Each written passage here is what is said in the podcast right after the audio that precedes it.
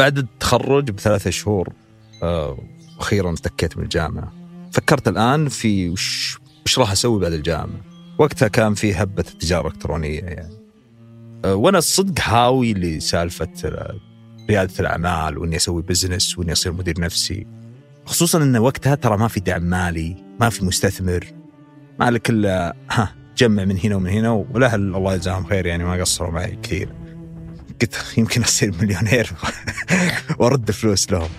الناجحون لا يستسلمون. الاستسلام هو الإنسان في أضعف صوره. إن الذي يرتجي شيئا بهمته يلقاه لو حاربته الإنس والجن. الأدبيات العالمية والثقافة المحلية تزخر باقتباسات مثل هذه. تمجد الاصرار والعزيمة والاصطبار. نادر إنك تسمع الكلمة من الناجحين من المخترعين ورياضيين وفنانين. إلا وتشوف احتفاء بالاصرار والصملة. ما تضيعش وقتك في الشكوى لأنك في خلال ما أنت بتشتكي في إنسان تاني عايش حلمك أنت سايق سيارتك أنت عايش في فيلتك أنت معاك الفلوس اللي أنت عايزها You might not read as fast, you might not move as quick, you might not have as much, but don't you quit. ولو نكتشف المعاجم اللغوية بنشوف إن الاصرار مرادف لمعاني إيجابية كثيرة مثل الاستبسال والشجاعة والإقدام والعزيمة والإرادة. بينما تجد التخلي مرادفاته ذات حمولة سلبية. وأكيد هذا ما جاء من فراغ. الإصرار إحدى القيم النبيلة اللي تفسر نجاح الكثير من البشر. فكل نجاح خلفه قصة إصرار. ولكن المهم نعرف كذلك إن مو كل قصة إصرار تنتهي بنجاح. فمتى يصبح الإصرار نقمة على صاحبه؟ ماذا عن الإقلاع والتخلي والمغادرة وتغيير المسار كخطوة للنجاح؟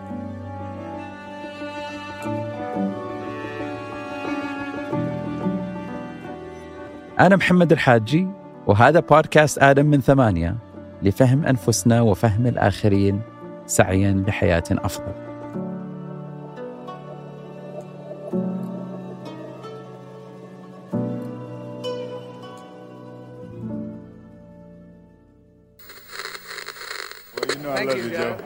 Look at this now as they stare. Muhammad Ali beginning to talk to George Foreman. They're really putting this. في مباراة تاريخية كانت حديث العالم حقق محمد علي واحدة من أعظم انتصارات الملاكمة اللي عن طريقها قدر يستعيد لقب بطل الوزن الثقيل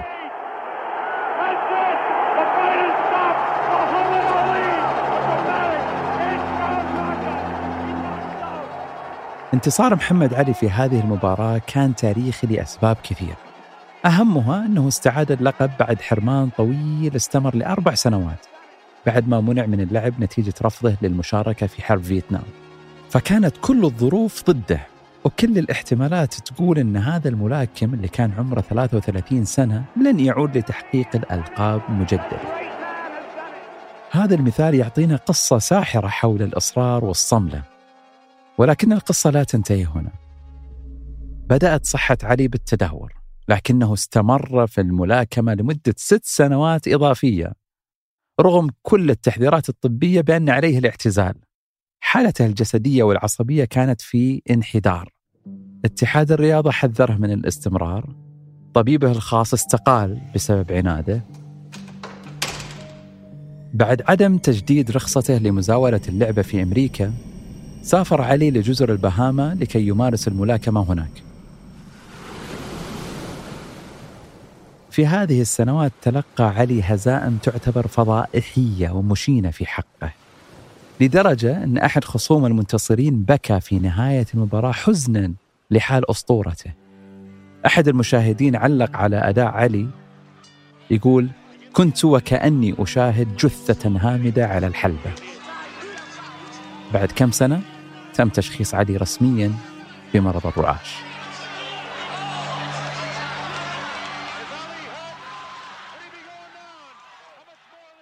هنا تجسدت خطيئة الإصرار وتحولت الصملة إلى وبال على صاحبها. الصملة اللي تخليك عظيم هي ذاتها اللي ممكن تهوي فيك. نعم الإصرار جيد ولكن ليس بمعزل عن الظروف. وليس عندما تكون عنادا للحقائق على الأرض. وليس عندما تكون الرسائل والإشارات واضحة لك للتخلي.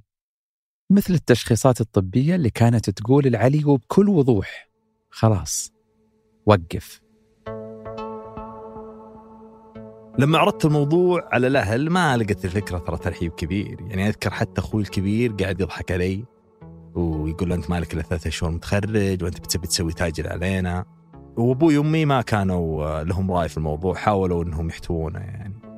بس أصلا أنا فكرت فيها إذا سويت المشروع وش راح أخسر؟ يعني ما في مبلغ كبير راح يندفع، أنا بسوي موقع إلكتروني وبجيب بضاعة وببيع فيه.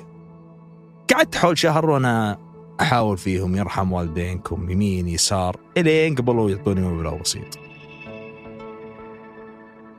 ما الذي يمنعنا من التخلي والإقلاع والمغادرة لماذا نحن منحازون للبقاء على خياراتنا الحالية؟ كرهنا للخسائر هو الجذر الأول اللي يخلينا نتمسك بقراراتنا وخياراتنا رغم خطأ الاستمرار فيها. الإنسان يميل لأن يتفادى الخسارة أكثر من رغبته في الكسب. بمعنى لو أعرض عليك تحدي فيه خيارين خيار تكسب فيه 500 ريال والخيار الثاني ممكن تخسر 500 ريال. وكلا الاختيارين عندهم نفس الاحتمالية. غالبا ما راح توافق على المشاركة في هذا التحدي مع إنك ممكن تكسب. خوفك من الخسارة هنا سيتغلب على رغبتك في الكسب. تفادي الخسارة إحدى أهم النزعات النفسية عندنا ولها جذورها العميقة. فالخسائر والأضرار تهدد حياتنا ولهذا تفاديها أوجب. وأهم لنجاتنا. أما المكاسب ممكن تعيش بشكل طيب بدونها. جميل. إذا فهمنا فكرة تفادي الخسارة نقدر الآن ننطلق للفكرة التالية وهي التكلفة الغارقة. اللي حصل إني جمعت هذه الفلوس اللي جمعتها ورحت تجار الجملة شريت بضاعة وجلست ابيعها أول سنتين كانت أموري تمام. يعني كنت أحط الريال فوق الريال. كان في بالي وقتها مخطط كبير. يعني قلت الحين خلاص الحين وقت التوسع. وقت إني بسوي شيء كبير. فتجمعت أنا ومجموعة من الشباب تجار صغار مثلي. قلنا خلينا نجيب بضاعتنا من الصين. الفكرة هنا إن نبي نجيب البضاعة بسعر أقل من تجار الجملة هنا. تخيل معي يجيك صديقك يعرض عليك تذكرة لمباراة فريقك المفضل. ولكن كل أخبار الطقس والجو تشير إنها بتكون ليلة ماطرة والشوارع لغوصة بشكل مزعج. الغالب إنك بتعتذر لصديقك وتقول له كثر الله خيرك. خلها وقت ثاني. ولكن تخيل لو أنك بنفسك اشتريت التذكرة قبل أسبوع وتو الآن عرفت من الأخبار أن الليلة مطر وزحمة. هل بتحضر المباراة؟ غالبا إيه. تتوكل على الله وتتحمل على نفسك وعلى سوء الأوضاع. لأنك اوريدي دفعت التذكرة وحرام تروح على الفاضي. الأغلبية ستأخذ نفس القرار. رغم احتمالية اللغوصة ورغم معرفتك إنها ليلة ما راح تكون ممتعة مثل ما كنت تتمنى. فلماذا اعتذرنا عن المباراة في الموقف الأول وقبلناها في الموقف الثاني؟ في الموقف الأول لما اعتذرت من صديقك أنت كنت تفكر في المستقبل فقط. شفت حوسة المطر مقارنة بمتعة المباراة وشفت أن الحوسة تغلب وبالتالي اعتذرت. لكن في الموقف الثاني أنت فكرت في الماضي كذلك اللي هي تكلفة التذكرة اللي دفعتها. مع أن تكلفة التذكرة ما راح تغير من المستقبل أي شيء بظل سوء الطقس أكبر من متعة المباراة. هنا أنت قررت تروح للمباراة لأنك ببساطة تريد أن تبرر تكلفة التذكرة لنفسك حتى ما تروح دراهمك هباء منثورا نحن لا نحب أن نغلق حساباتنا بخسارة. تكلفة التذكرة هنا ورطتك ذهنيا غرقتك معها في قرارك واختيارك. ولهذا سميت هذه الظاهرة بالتكلفة الغارقة. هذه الظاهرة بتشوفها في كل مكان في حياتنا العملية والشخصية سواء عند الأشخاص ولا حتى المنظمات أحيانا مثلا تشوف شركة تتعنت في البقاء على قراراتها فقط لأنها صرفت مبالغ كبيرة في بناء مبنى معين أو في تشكيل استراتيجية معينة. أو تشوف زميل لك يتمسك بسيارته المهلكة فقط لأنه دفع الكثير في صيانتها. تجد البعض تعيس في دراسته الجامعية لكنه يتعاجز عن تغيير مساره لأنه والله درست سنتين في التخصص، حرام. حتى في العلاقات مثلا تشوف البعض يتمسك بعلاقة سامة غير صحية بتاتا فقط بسبب الجهد اللي بذله في هذه العلاقة. هذه كلها تكاليف غارقة تجعل التخلي قرارا صعبا للغاية وتجعلنا نستمر حينما تجب علينا المغادرة. في هذه المواقف ومع كل تأجيل وتأخير في اتخاذ قرار التخلي يستمر الإنسان في صرف المزيد من الوقت والجهد والطاقة فترتفع التكلفة أكثر وأكثر فنغرق أكثر وأكثر. بل بالعكس مع الوقت ورغم أن الأمور ما تسير على ما يرام تزداد الصملة ويرتفع الالتزام وتشتد العزيمة املا في انتشال الموقف وإنعاش الجثة. وهكذا نورط في دائرة شيطانية أشبه بالرمل المتحرك اللي يسحبنا لتحت. وهنا أذكر تعليق أحد جنرالات الحرب الأمريكان لما سئل عن الانسحاب من أفغانستان. كانت إجابته صارمة بأن الانسحاب هو تلاعب بدماء الجنود الذين قتلوا في هذه الحرب. وأننا وفاء لكل نقطة دم سنستمر في هذه الحرب حتى النهاية. وهكذا استمرت رائحة الموت والدمار حتى تم الانسحاب فعلا.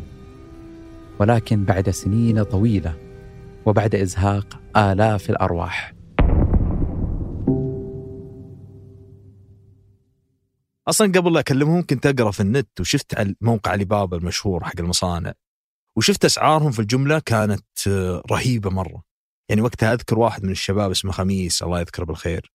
كان يقول لي أنت بتعرف تتواصل معهم لا تنكبنا لا تضيع فلوسنا ينصبون علينا. قلت له ما عليك أعرف كيف أوصل للمصانع. يعني لما قارنت أسعارهم بأسعار تجار الجملة عندنا شفت فرق شاسع جدا. تجار الجملة اللي عندنا لو تشتري ب 1000 ريال ممكن تطلع ربح 150 أو 100 ريال. لكن لو تشتري من الصين ب 1000 ريال طلع أقل شيء ربح 500 ريال. وخلاص اتفقت إني راح أتواصل مع المصانع وأرسل لهم إيميلات. ما يحدث في التكلفة الغارقة هو أننا نتخذ قرارات مستقبلية بناء على الماضي وكل اللي بذلناه من جهد ووقت ومال بينما من الأجدى لنا في اتخاذ أي قرار هو التركيز على المستقبل. هل هناك احتمالية جيدة أن أحقق مرادي في المستقبل لو توقفت عن هذه الرحلة وتوجهت للرحلة التالية؟ هذا هو السؤال الجوهري. والشاهد على فكرة التكلفة الغارقة ما يعرف في العلوم النفسية بتأثير إيكيا اللي نص على التالي أن قيمة الأشياء والقرارات تزداد لدينا كلما صنعناها بأنفسنا. خلينا ناخذ مثال. الآن لو بتبيع علي كرسيين متطابقين تماما لكن أحد الكراسي اشتريته من إيكيا واتبعت التعليمات وركبته بنفسك. هذا الكرسي ستعرضه للبيع بسعر أعلى مقارنة بالكرسي الثاني المشابه له تماما ولكنك أخذته جاهز أو أخذته من بيت الوالد. تصرفك هذا مبرر لأنك بتضيف قيمة التعب والجهد اللي بذلته. كل هذه التأثيرات تجعل التخلي صعبا للغاية. لأننا تعبنا في اختياراتنا وصنعناها بأنفسنا. في حميمية خاصة مع قراراتنا. بل ونشعر أن هذه القرارات هي جزء من هويتنا. فلذلك نتمسك بها كثيرا ولا نجرؤ على المساس بها لأن التخلي عنها يعتبر تخليا عن ذاتنا وهويتنا. المهم تواصلنا مع تجار علي بابا واشترينا البضاعة من عندهم. بعد ما وصلتنا البضاعة في شيء ما حسبنا حسابه ونكبنا فيه الصدق نكبة آه، أليمة. آه إن ما حسبنا تكلفة الجمارك وقتها. وطلعت التكلفة أكثر من إن لو اشترينا من تجار الجملة هنا. ما عاد فيها حل إلا إنك تبيع. يعني تبيع اللي عندك وتعوض خسارتك. أو تحاول مو بتعوض خسارتك كيف تعوض خسارتك. يعني تحاول تغطي بس خسارتك. من هذاك الوقت والوضع صاير صعب. يعني الله ها تمشي أمورك تدفع مصاريفك تسدد الديون اللي عليك صار الوضع مؤلم جدا يعني انقلب ذاك الحلم المليونير إلا واحد مطفر مره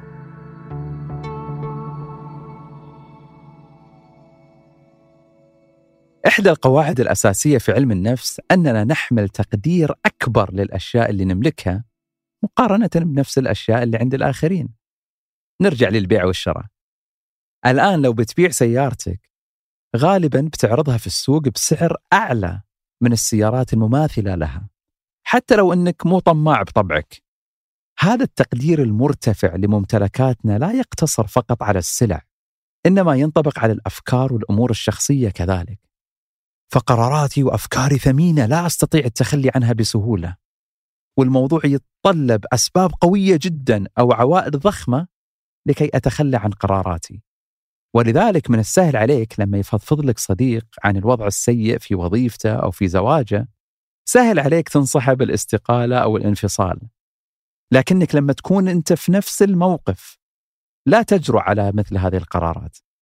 لأن قرار وظيفتك وزواجك يحمل قيمة أعلى عندك مقارنة بوظيفة صديقك وذلك لأن هذه القرارات تخصك أنت وملكك أنت فتحمل قيمة أعلى مجددا كل هذا يصير بسبب خوفنا الدائم من الخسائر.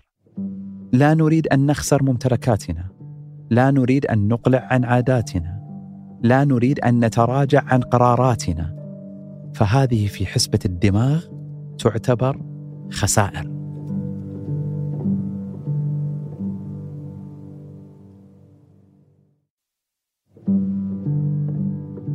التخلي صعب. فمن تفادي الخسارة إلى التكلفة الغارقة إلى تقديرنا العالي لممتلكاتنا الإنسان مجبول على تفضيل الوضع الراهن ويخاف التغيير وذلك لسببين رئيسيين. أولا نخاف من المستقبل المجهول وكذلك لأن عملية التغيير تتطلب جهود ومساعي إضافية علينا. فلذلك نتلكأ ونؤخر ونؤجل لأن الإنسان بطبعه كسول. حتى أن هناك مسار كامل في العلوم الإدارية يعرف بإدارة التغيير وذلك للتغلب على الممانعة والمقاومة الكبيرة عندنا تجاه أي تغيير. صرت لما أشتكي لاخوياي ولا أقول لهم ترى السوق تعبان أول نصيحة دائما يقولونها لي آه يا ابن الحلال راح تدور لك وظيفة أحسن لك. اللي ضحك إني كنت أقول لهم ذا الحوار يعني كان بس كان بالعكس كنت أقول لهم لما يجون يشكون من وظائفهم ولا مدراهم كنت أضحك عليهم أقول يا رجال اترك الوظيفة راح افتح لك بزنس ولا آخره. لكن الحين يوم صارت سالفة الصين قعدوا خلاص مسكوا علي وقعدوا يطقطقون علي. اللي يقهر زيادة إن حتى الوالدة كانت تحس بي يعني كانت تجيني بعض الأحيان وش فيك؟ هل شغلك ماشي صح؟ ابن الحلال خلني أكلم لك آه، خالك يشوف لك وظيفة. كانوا حاسين إني وضعي دمار رايح فيها. لكن ما كان في خيار إني أترك. أو خلاص أنا في وسط المعمعه ولازم أسوي شيء. تبديل الأفكار وتغييرها عملية مكلفة ادراكيا ومعنويا. وهذا قد يفسر قوله تعالى وإذا قيل لهم تعالوا إلى ما أنزل الله وإلى الرسول قالوا حسبنا ما وجدنا عليه آباءنا. بمعنى يكفينا خلينا نعيش في منطقة الراحة ذهنيا.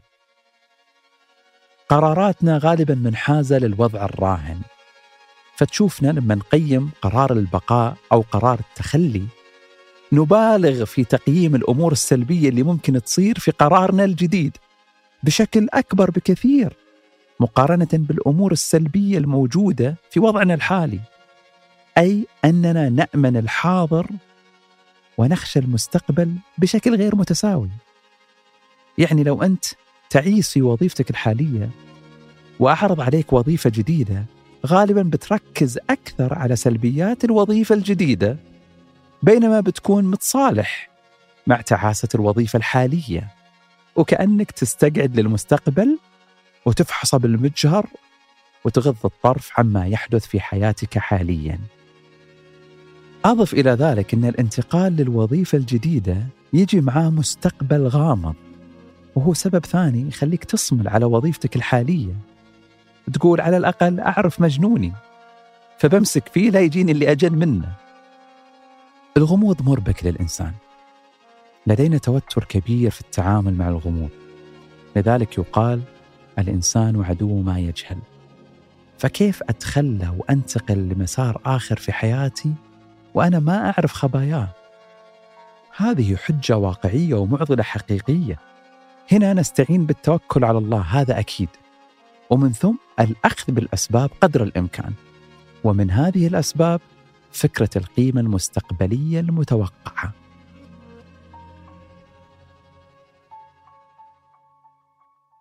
وقوفنا وراء قراراتنا والانحياز لها قد يكون له عواقب وخيمة. ومن هنا تجي الحاجة لإعادة النظر في مفهوم الصملة وبدء التفكير في التخلي. وهذا صعب. فنحن لا نعرف ماذا يخبئ لنا المستقبل. هذا دوما في علم الغيب. لكن أكرم الله الإنسان بقوة إدراكية جيدة. تستطيع أن تقرأ الماضي وتقيم الحاضر وتتنبأ قليلا بالمستقبل. لاتخاذ قرار البقاء أو التخلي ينبغي علينا أن نستثمر هذه المقدرة ونسافر عبر الزمن إما للماضي أو للمستقبل. وهذه قوة اختص بها الإنسان عن باقي الكائنات وببراعة مذهلة. نحتاج أن نفكر بذهنية القيمة المستقبلية المتوقعة. وبناخذ مثال الوظيفة لتسهيل الفكرة. تخيل أنت الآن على رأس العمل في شركة ولنفترض اسمها تسعة. ولكنك غير سعيد وجودة حياتك في انخفاض مستمر نحو القاع. كيف تقرر هل تستمر في وظيفتك أو تنتقل لشركة أخرى؟ نفترض اسمها الأحساء للصحافة. أو أنك تفكر في خيارات أخرى مثل التجارة أو العمل الحر أو العمل الجزئي. الافتراض هنا أن الأمور المادية متساوية ولكن موضوع سعادتك هو المؤرق وهو اللي في المحك الآن. مرة كنت في مؤتمر التجارة الإلكترونية وقابلت واحد من أخوياي أيام الجامعة. قعدنا نسولف عن تجربتي حكيت عن المتجر المصاعب والجمارك. حتى قعدنا نسولف عن أيام الجامعة يعني كانت جلسة ضحك واستعادة ذكريات مثل ما يقولون.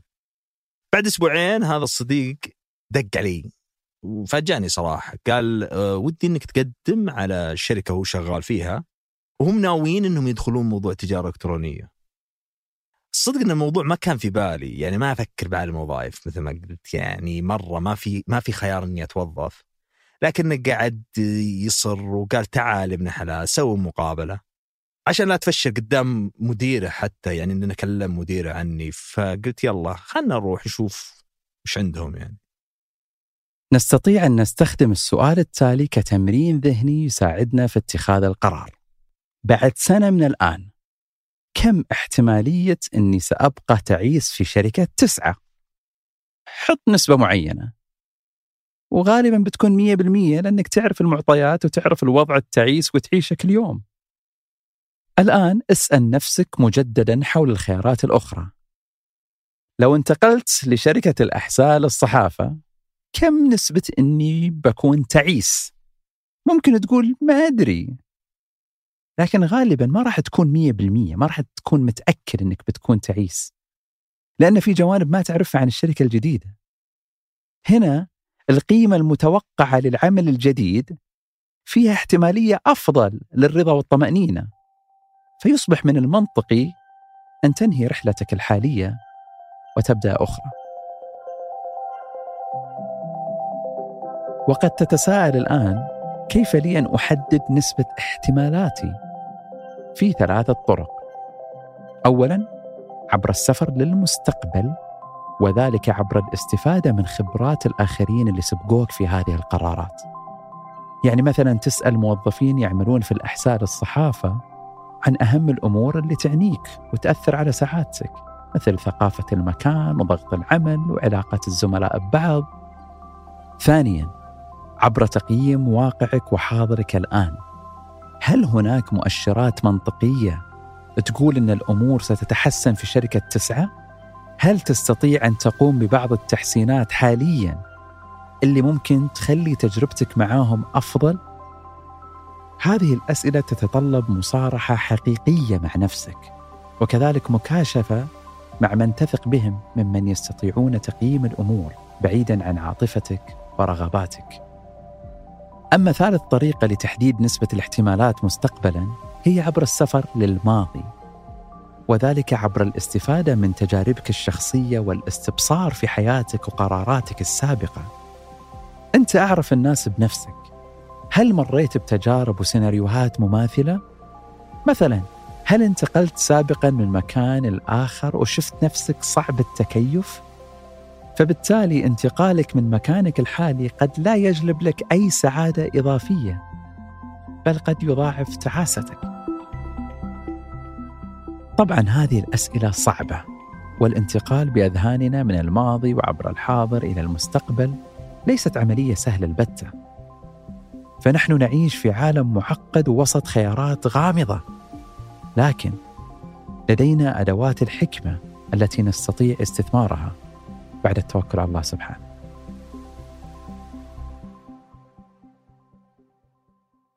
رحت سويت المقابلة.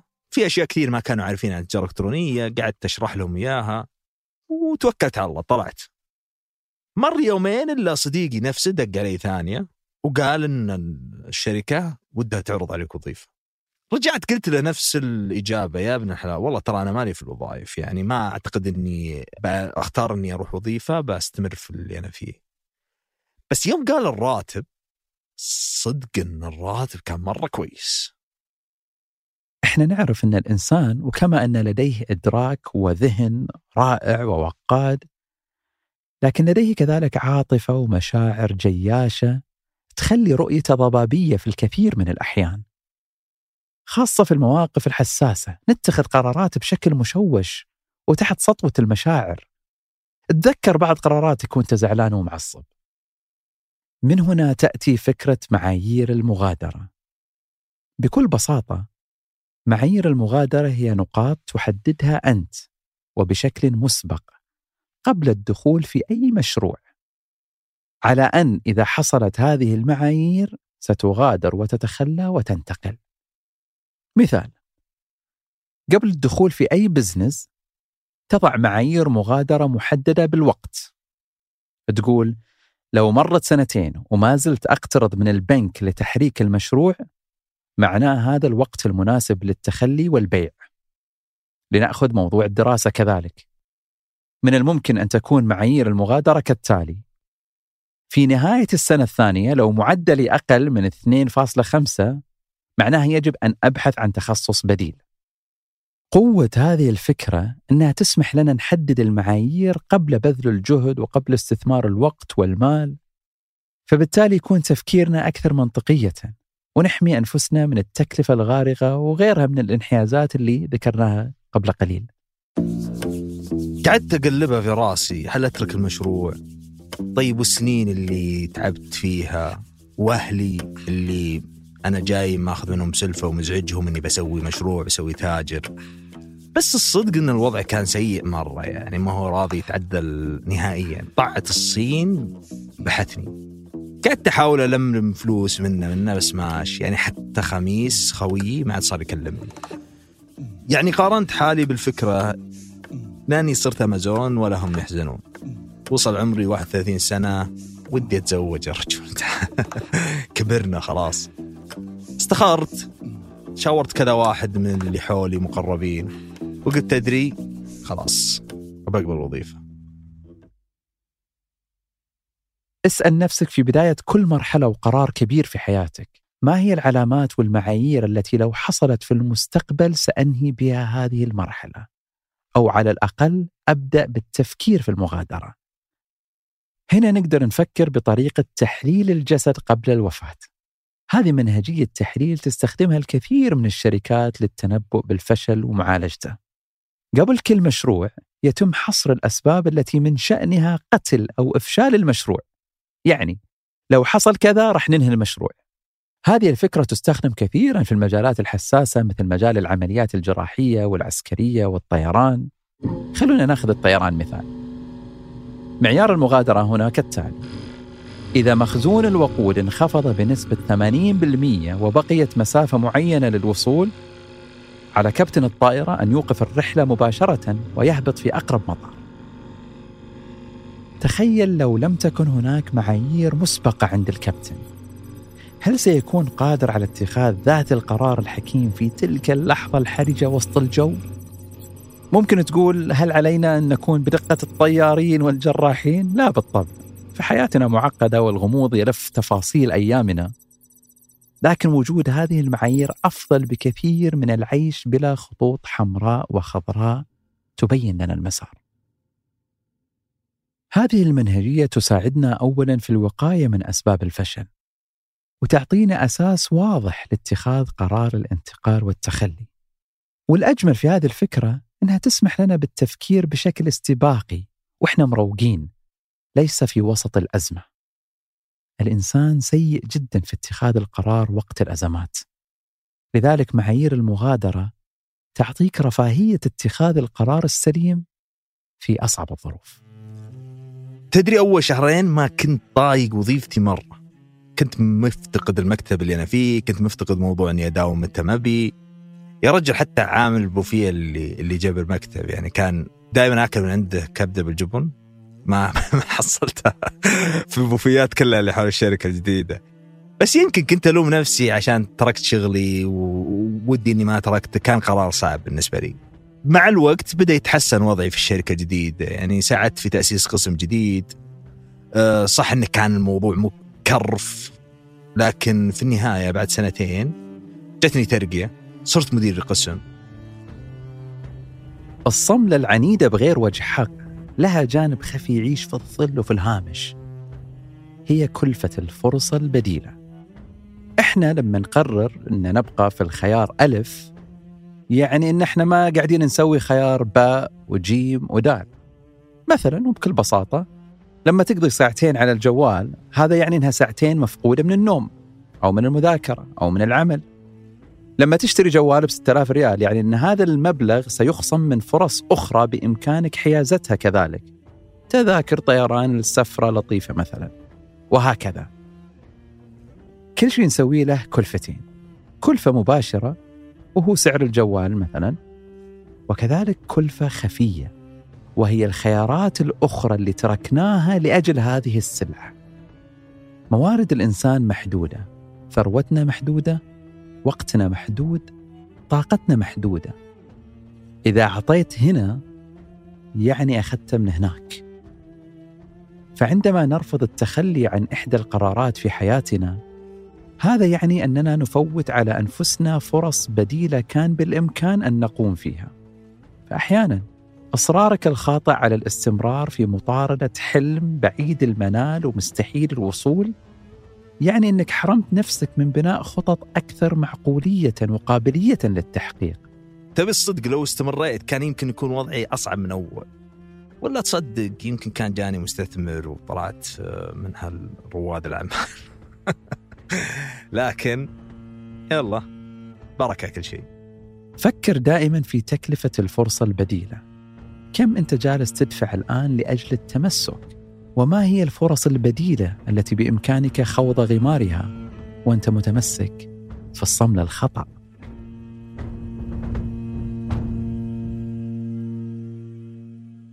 الجميل في الإصرار أنه سمة للفرد أي أنه جزء من شخصيتك أنت بغض النظر عن نتائج الأمور. صملتك اللي تخليت عنها الحين تقدر تستخدمها مجددا. لكن في المسارات الأخرى الأكثر فاعلية والأقرب للنجاح اللي يسعدك. تستطيع أن تحمل معك الدروس والتجارب إلى دروب أخرى. في بدايات الوظيفة كان الوضع شوي سيء يعني. يعني أنا كنت مدير نفسي الصدق. ما حد كان يجي يقول لي متى تداوم متى تجي متى تروح أبى اخصم عليك وهالسوالف. لكن يوم دخلت الوظيفة آه، صرت خلاص لازم الساعة 8 الصبح أداوم.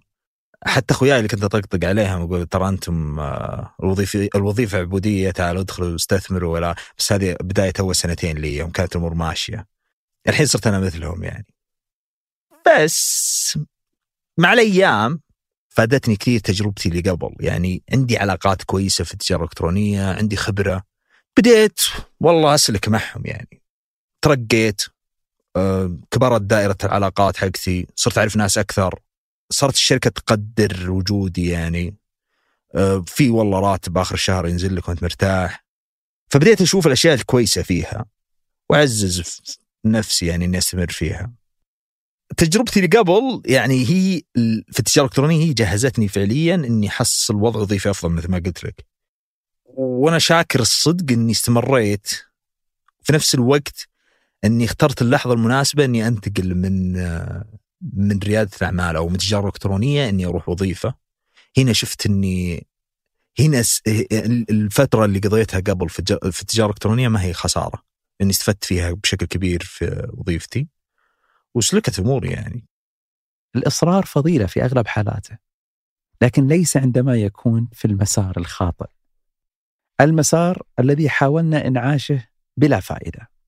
المسار الذي يغلب الظن على انعدام الأمل فيه بعد كل المحاولات الإصرار والصملة ليست مقدسة بذاتها هي طاقة بشرية ونحن من يدير مخزونها وتوجيهها في المسار الأجدأ والأكفأ لنا. الآمال والأهداف والأحلام ينبغي أن تقترب لهذا العالم المعقد وتنتمي له. تنتمي له بالمرونة والتكيف والتأقلم. نريد أن نحيا نحن، لا أن نعيش لأجل الأماني والآمال، حتى لا نكون مثالا لبيت الشاعر. ولي أمل قطعت به الليالي أراني قد فنيت به ودام تذكر لا تخشى أن تبدأ من جديد. هذه المرة أنت لن تبدأ خاويا من نقطة الصفر. بل تنطلق متكئا على خبراتك الماضية.